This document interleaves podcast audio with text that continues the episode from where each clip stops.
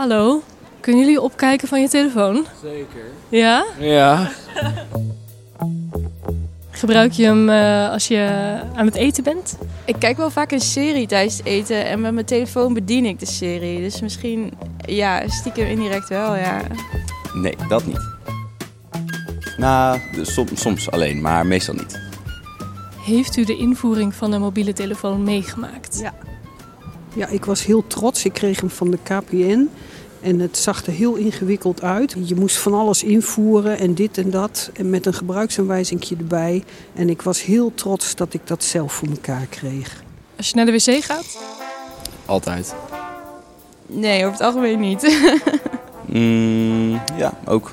Eigenlijk elk moment dat je een beetje rust hebt, dan eh, pak je hem er wel bij. Het was heel in het begin van de mobiele telefoon. Een reisgenoot van ons die ging met zijn brillenkoker doen alsof hij ook heel interessant was met zijn mobiele telefoon. En daar dreef hij de spot mee van de flauwekul. Ja, zo lachwekkend was het toen nog voor ons. Hè. Ja. Als je gaat slapen?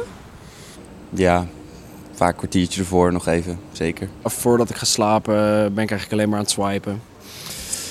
En als ik wakker word, is het eerste wat ik doe is eh, ja, mijn telefoon eigenlijk uitzetten, want mijn wekker gaat. Maar daarna zet ik mijn telefoon al gauw gewoon weer aan. Heeft u ook een mobiele telefoon? Die heb ik ook, jazeker. Waar zit hij? In uw jas? Nee, die ligt lekker thuis. Heeft u hem niet mee? Ik zou niet weten waarom. De enige persoon, denk ik, in deze ruimte kunnen, die maar niet te bereiken is. Ik heb, hem- ik heb hem niet nodig, dus eh, ik ben hier even wat aan het lezen, dus ik heb geen telefoon nodig. Hoe voelt dat? Normaal.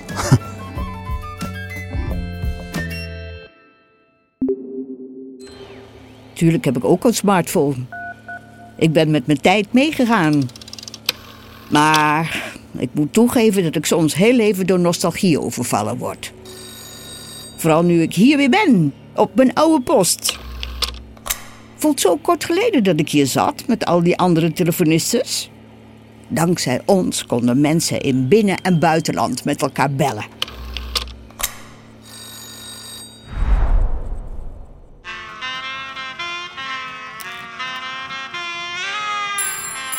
Dit is Ik Verbind U Door, de podcast vol verhalen uit Post Utrecht. Iedere Utrechter en heel veel Nederlanders kennen het iconische gebouw in het centrum van de stad. Het oude postkantoor. Je hoort in deze podcast de meest bijzondere verhalen uit zijn geschiedenis. Deze aflevering hoe we in Nederland raar opkeken van de mobieltjesgekte in Japan. En we ontmoeten de man die in het postkantoor als laatste het licht uitdeed. Terug naar Joke, uw telefoniste.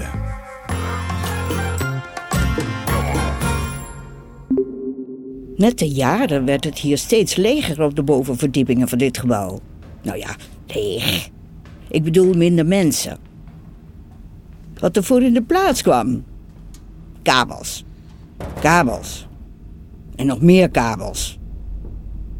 Ik heb zelfs gehoord dat een vleugel van het gebouw dreigde af te scheuren onder het gewicht van al die machines en kabels. Maar neem van mij aan, alles gaat voorbij.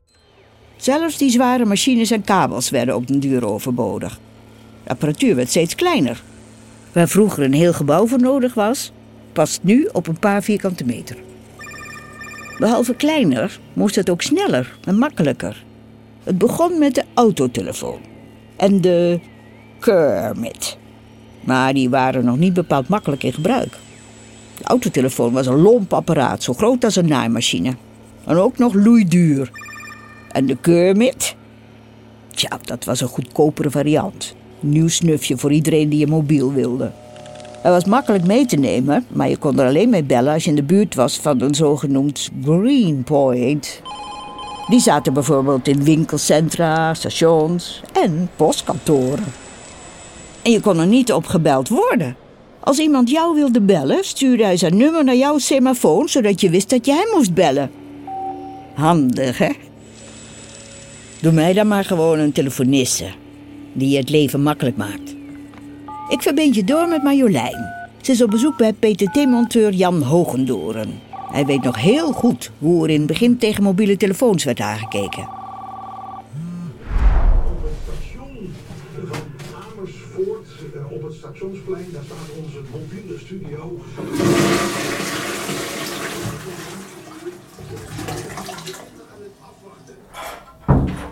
Zeg, om maar eh, gelijk met de deur in huis te vallen. Ik had net een heel bijzonder wc-bezoek hier. Ja, De radio die ging gelijk aan. eh, ja, dat hebben we al. eh, hoe lang wonen we hier? We wonen hier nu 44 jaar.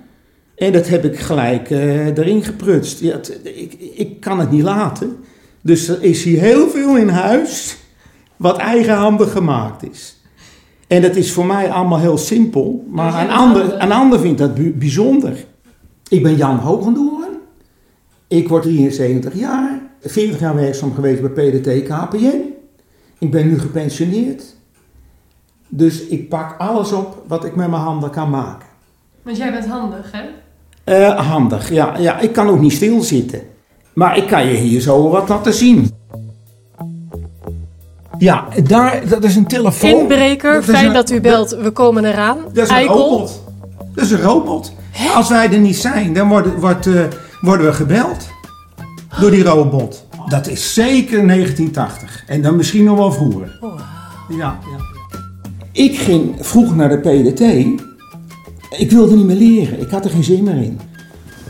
Ben je gek? Ik, ga- ik, ik ben zat. Ik wil gewoon, ik ga werken. Nou, dat heb ik geweten. Dus u ging naar de Neude. Ik ging onder andere naar de Neuden. Hè? Dus ik ben, nou ja, dus ik, joh, ik heb alleen maar geleerd. Ik zat nog een paar jaar voor mijn pensioen in de schoonmakerszaten.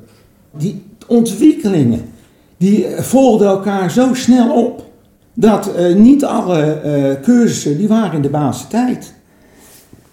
Maar aan de andere kant was het ook zo, eh, eh, de interesse was er. Het is er nog, hè.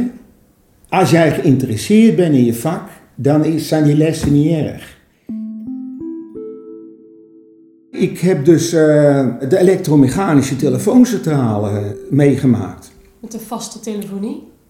De vaste telefonie. Toen kreeg je een prototype elektronische telefooncentrale van Philips.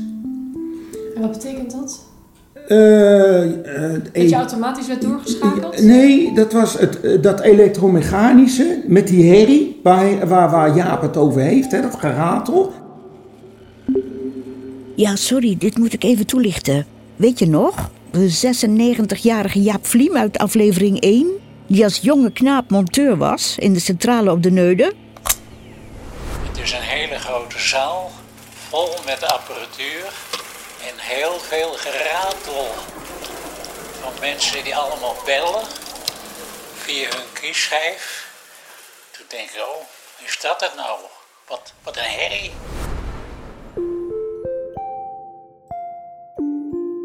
Dat was over. Dat werd een stille centrale met transistoren.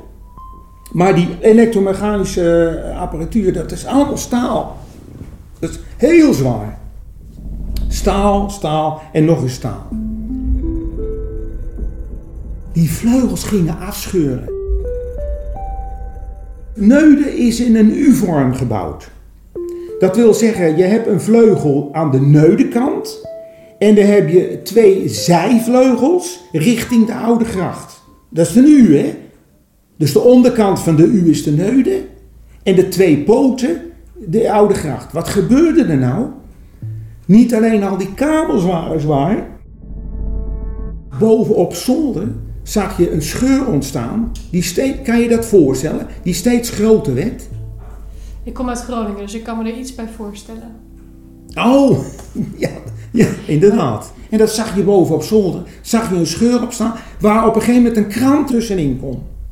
Maar dat kwam dus door die zware Ja, en toen-. In, in welke jaren was dit? Dat was nog in de jaren 70, 80, toen daar al dat zware spul stond. Toen is later kwam dus die eh, computergestuurde centrale, die, eh, die waren veel lichter. Dus het is eigenlijk vanzelf opgelost. Toen kreeg je dat alles over internetprotocol ging. All IP. Daar zat ik voor in de schoolbanken. Dus eerst ging internet over de telefonie. En later ging telefonie over het internet. Nou, dat bedoel ik dus. Allemaal meegemaakt. Van- kiesschijf tot glasvezel. Alles wat ertussen zit, heb ik mijn eigen mogen maken. Nou zag ik ook nog een knopje op de wc trouwens. Een soort van deurbelknopje. Wat is dat dan? Die ventilator. Ah, dan kun Een je via zo'n deurbelknopje in de... Grote boodschap heb gedaan, wat de ventilator. Oh, heeft u nog meer? Ja, ik heb nog meer. Als je een stukje de trap op gaat. Dan wordt er nog meer licht. Ja, kom maar, doe maar twee. Oh, de trap geeft ook licht! Zoveel gadgets in dit huis. Oh, Ja. wat leuk, wat leuk, wat leuk. Wat een gekke uit. U heeft eigenlijk de opkomst van mobiele telefonie meegemaakt. Ja, dat begon al met eh, de autotelefonie. Met die masten langs de, de weg. Ja, en geen mobiele telefonie zonder het vaste net. Dus die masten die moesten gekoppeld worden aan het vaste net. Nou, daar was ik nou toevallig verantwoordelijk voor. Dus dat ik, ik zorgde ervoor dat die masten eh, uiteindelijk eh, gekoppeld werden aan dat vaste net. Want anders werkt het niet. En dat stond toen alleen langs de snelweg. Voornamelijk langs de snelweg. Architecten die gingen voor een werkbezoek naar Japan. En toen was die handheld, die kleine gsm'tje, net geïntroduceerd in Japan. Nederland had dat nog niet. Nee, nee, dat, nee, dat was zo zakelijk. Eh autotelefoon net, hè. Iedereen had zo'n koelkast. Met een koffer met apparatuur achter in de kofferbak. Ja, zo is het allemaal begonnen. Toen later werd dat kleiner en kleiner. Maar toen die gsm kwam, kwam dat ook voor thuisgebruik eh, eh, in de handel. En dan met name in Japan begon dat. En toen kwamen netwerkarchitecten terug van een werkbezoek. Die hielden een presentatie waar de raad van bestuur bij zat. Die zei, het is toch een gekte? Dat is toch een raadje? Iedereen loopt met zijn ding in de hand. Dat is echt niet normaal. Eh, wij adviseren de raad van bestuur... als de wiede weer gaat... een landelijk netwerk uit te gaan rollen. Toen zegt de raad van bestuur... dat loopt hier zo'n vaart niet. Echt.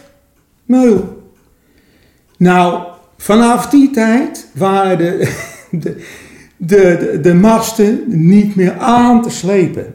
Want er waren nog heel veel gebieden waar nauwelijks geen dekking was. Maar die handheld, die kleine gsm'tje, die, die vloog eh, over de toonbank. Ook dus in gebieden waar nauwelijks geen dekking was. Dus die, die masten, die moesten als de wiede weer gaan, eh, geplaatst gaan worden. Onvoorstelbaar. Het heeft ook nog heel lang geduurd voordat Nederland eh, geheel dekkend was. Hè? Ook in de achterafgebieden. Dat heeft echt nog lang geduurd hoor. Ja, dat kan ik me zelfs nog Ja, dat je toch in een gebied kwam waar je geen dekking had. Dat heeft echt nog heel lang geduurd hoor. Ja, Heerlijk eigenlijk, hè? Even niet bereikbaar zijn.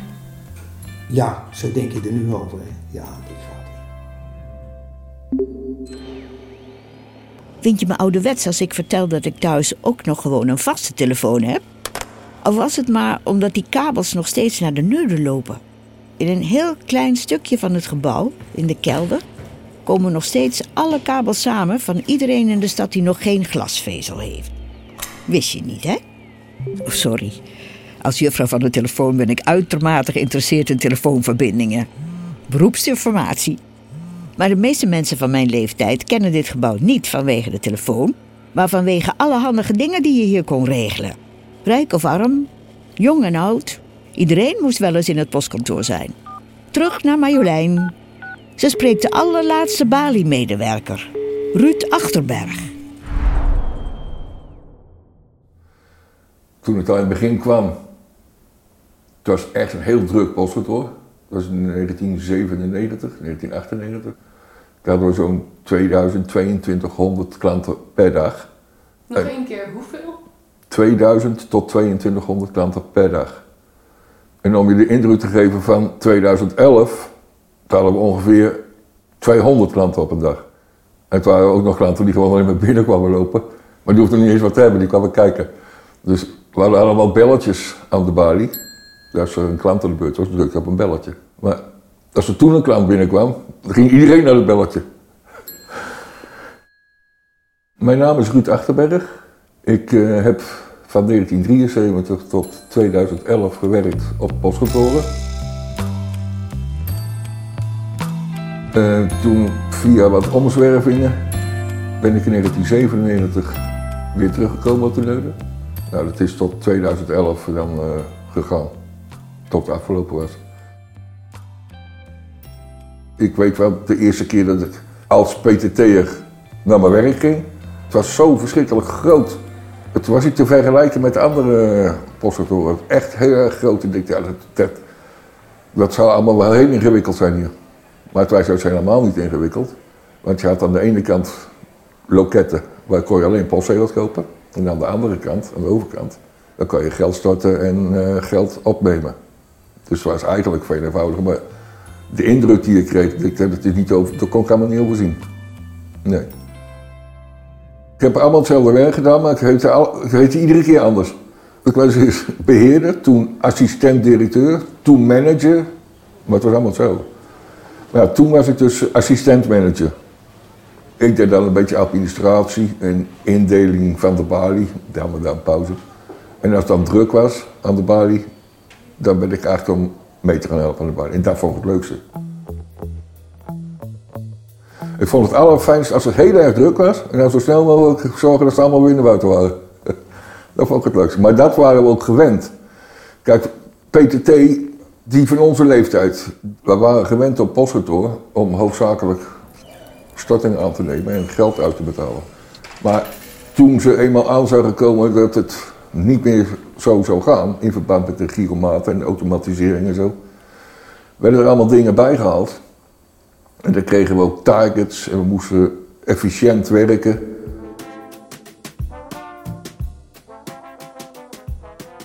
Nou, op een gegeven moment toen dacht ik uh, dat we iets van uh, ja, de, de waren of zo.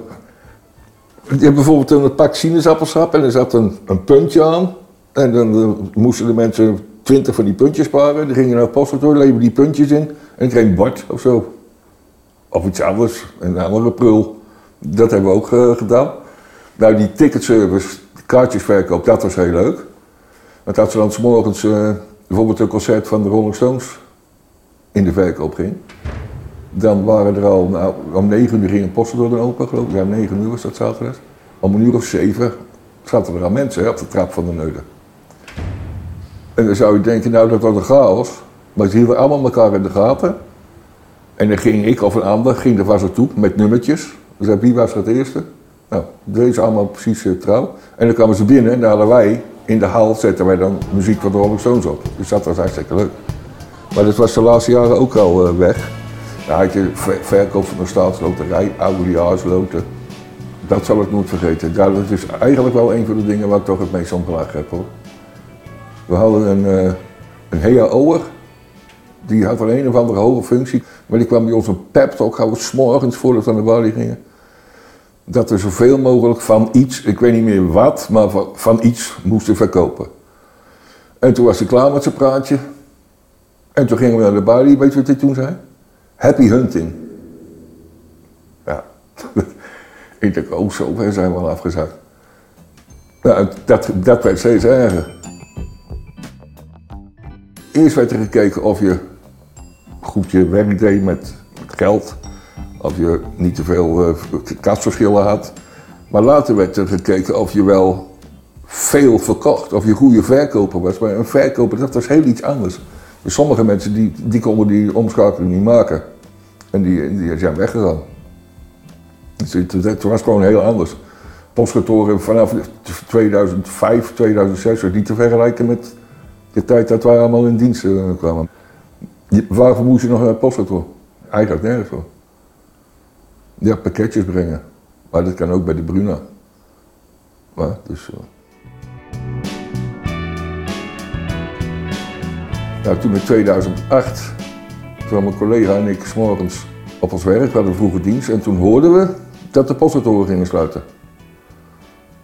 En toen dacht ik nog, ja, maar dit postkantoor gaat niet dicht. Het is veel te groot en zo, dat, uh, er zal heus wel een paar postkantoren open blijven. Nou, dat bleek dus achteraf niet zo te zijn. Maar we waren wel zo dat wij het allerlaatste postkantoor waren dat dat dicht ging. Je kon onmiddellijk weggaan.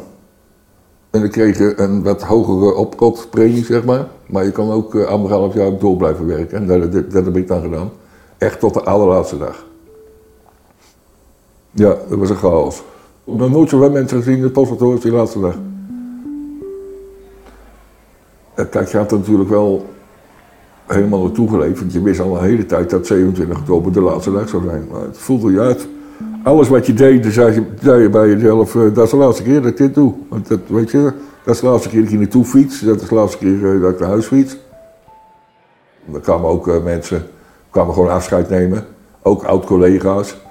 Maar er was een heleboel pers en er was allerlei managers. Die gingen allemaal vertellen dat het eigenlijk wel, ja, allemaal wel in orde kwam. Want er kwamen allemaal nieuwe postagentschappen en zo. Maar ja, dat ging bij mij het een de andere uit. En toen uh, ging om een uur of vier eh, de deur dicht. Toen zei ik nou tegen die toenmalige chef, die heeft dan de deur dicht gedaan. Ik zou het eerst ook gaan doen, maar ik had er geen zin in. Ik zei, nou, dan doe jij het maar alleen. Toen was ik ook klaar. Ik was er ook klaar mee. Ik heb toch geen zin. Of je nou wel meedoet of niet. Het is afgelopen. Ik ben er nooit meer geweest. Nee? Nee. Tot op de dag van vandaag Nee. niet? Ik ben er nooit meer geweest. Nee. Ik wil de herinnering gewoon zo houden.